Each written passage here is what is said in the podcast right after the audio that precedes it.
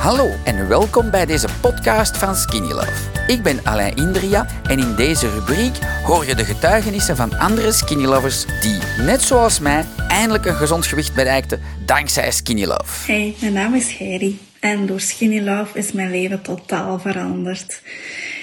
Ehm, ik heb hiervoor verschillende diëten gedaan, voornamelijk proteïne-diëten dat is eigenlijk helemaal fout gelopen. Het ene dieet was altijd maar shakes drinken, sporten. Ik was moe uiteindelijk. Het andere dieet was zakjesvoeding. Dus de eieren zaten in zakjes.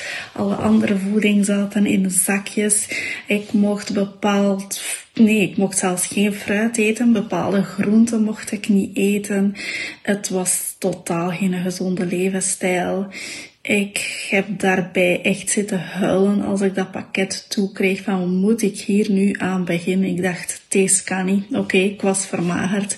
Na 14 dagen dacht ik, hier stop ik mee. Ik kan niet meer. Ik heb daar een slokdarmspasmen uiteindelijk van gekregen. Ik dacht, dit kan het niet zijn. Uiteindelijk was ik kei veel bijgekomen. Alles was in de war uiteindelijk. Um, ik voelde mij kei slecht hierdoor. Dan kwam ik plots um, Skinny Love tegen op, uh, ja, op Facebook. En ik dacht, ja, goh, het is mijn kruiden. Ik dacht, deze ga ik toch wel nog eens proberen. Dit is het laatste wat ik gewoon probeer. En ik heb het dan ook geprobeerd. Dankzij dit verhaal heb je ongetwijfeld zelf ook de motivatie gevonden om van start te gaan. Ik wens jou heel veel succes!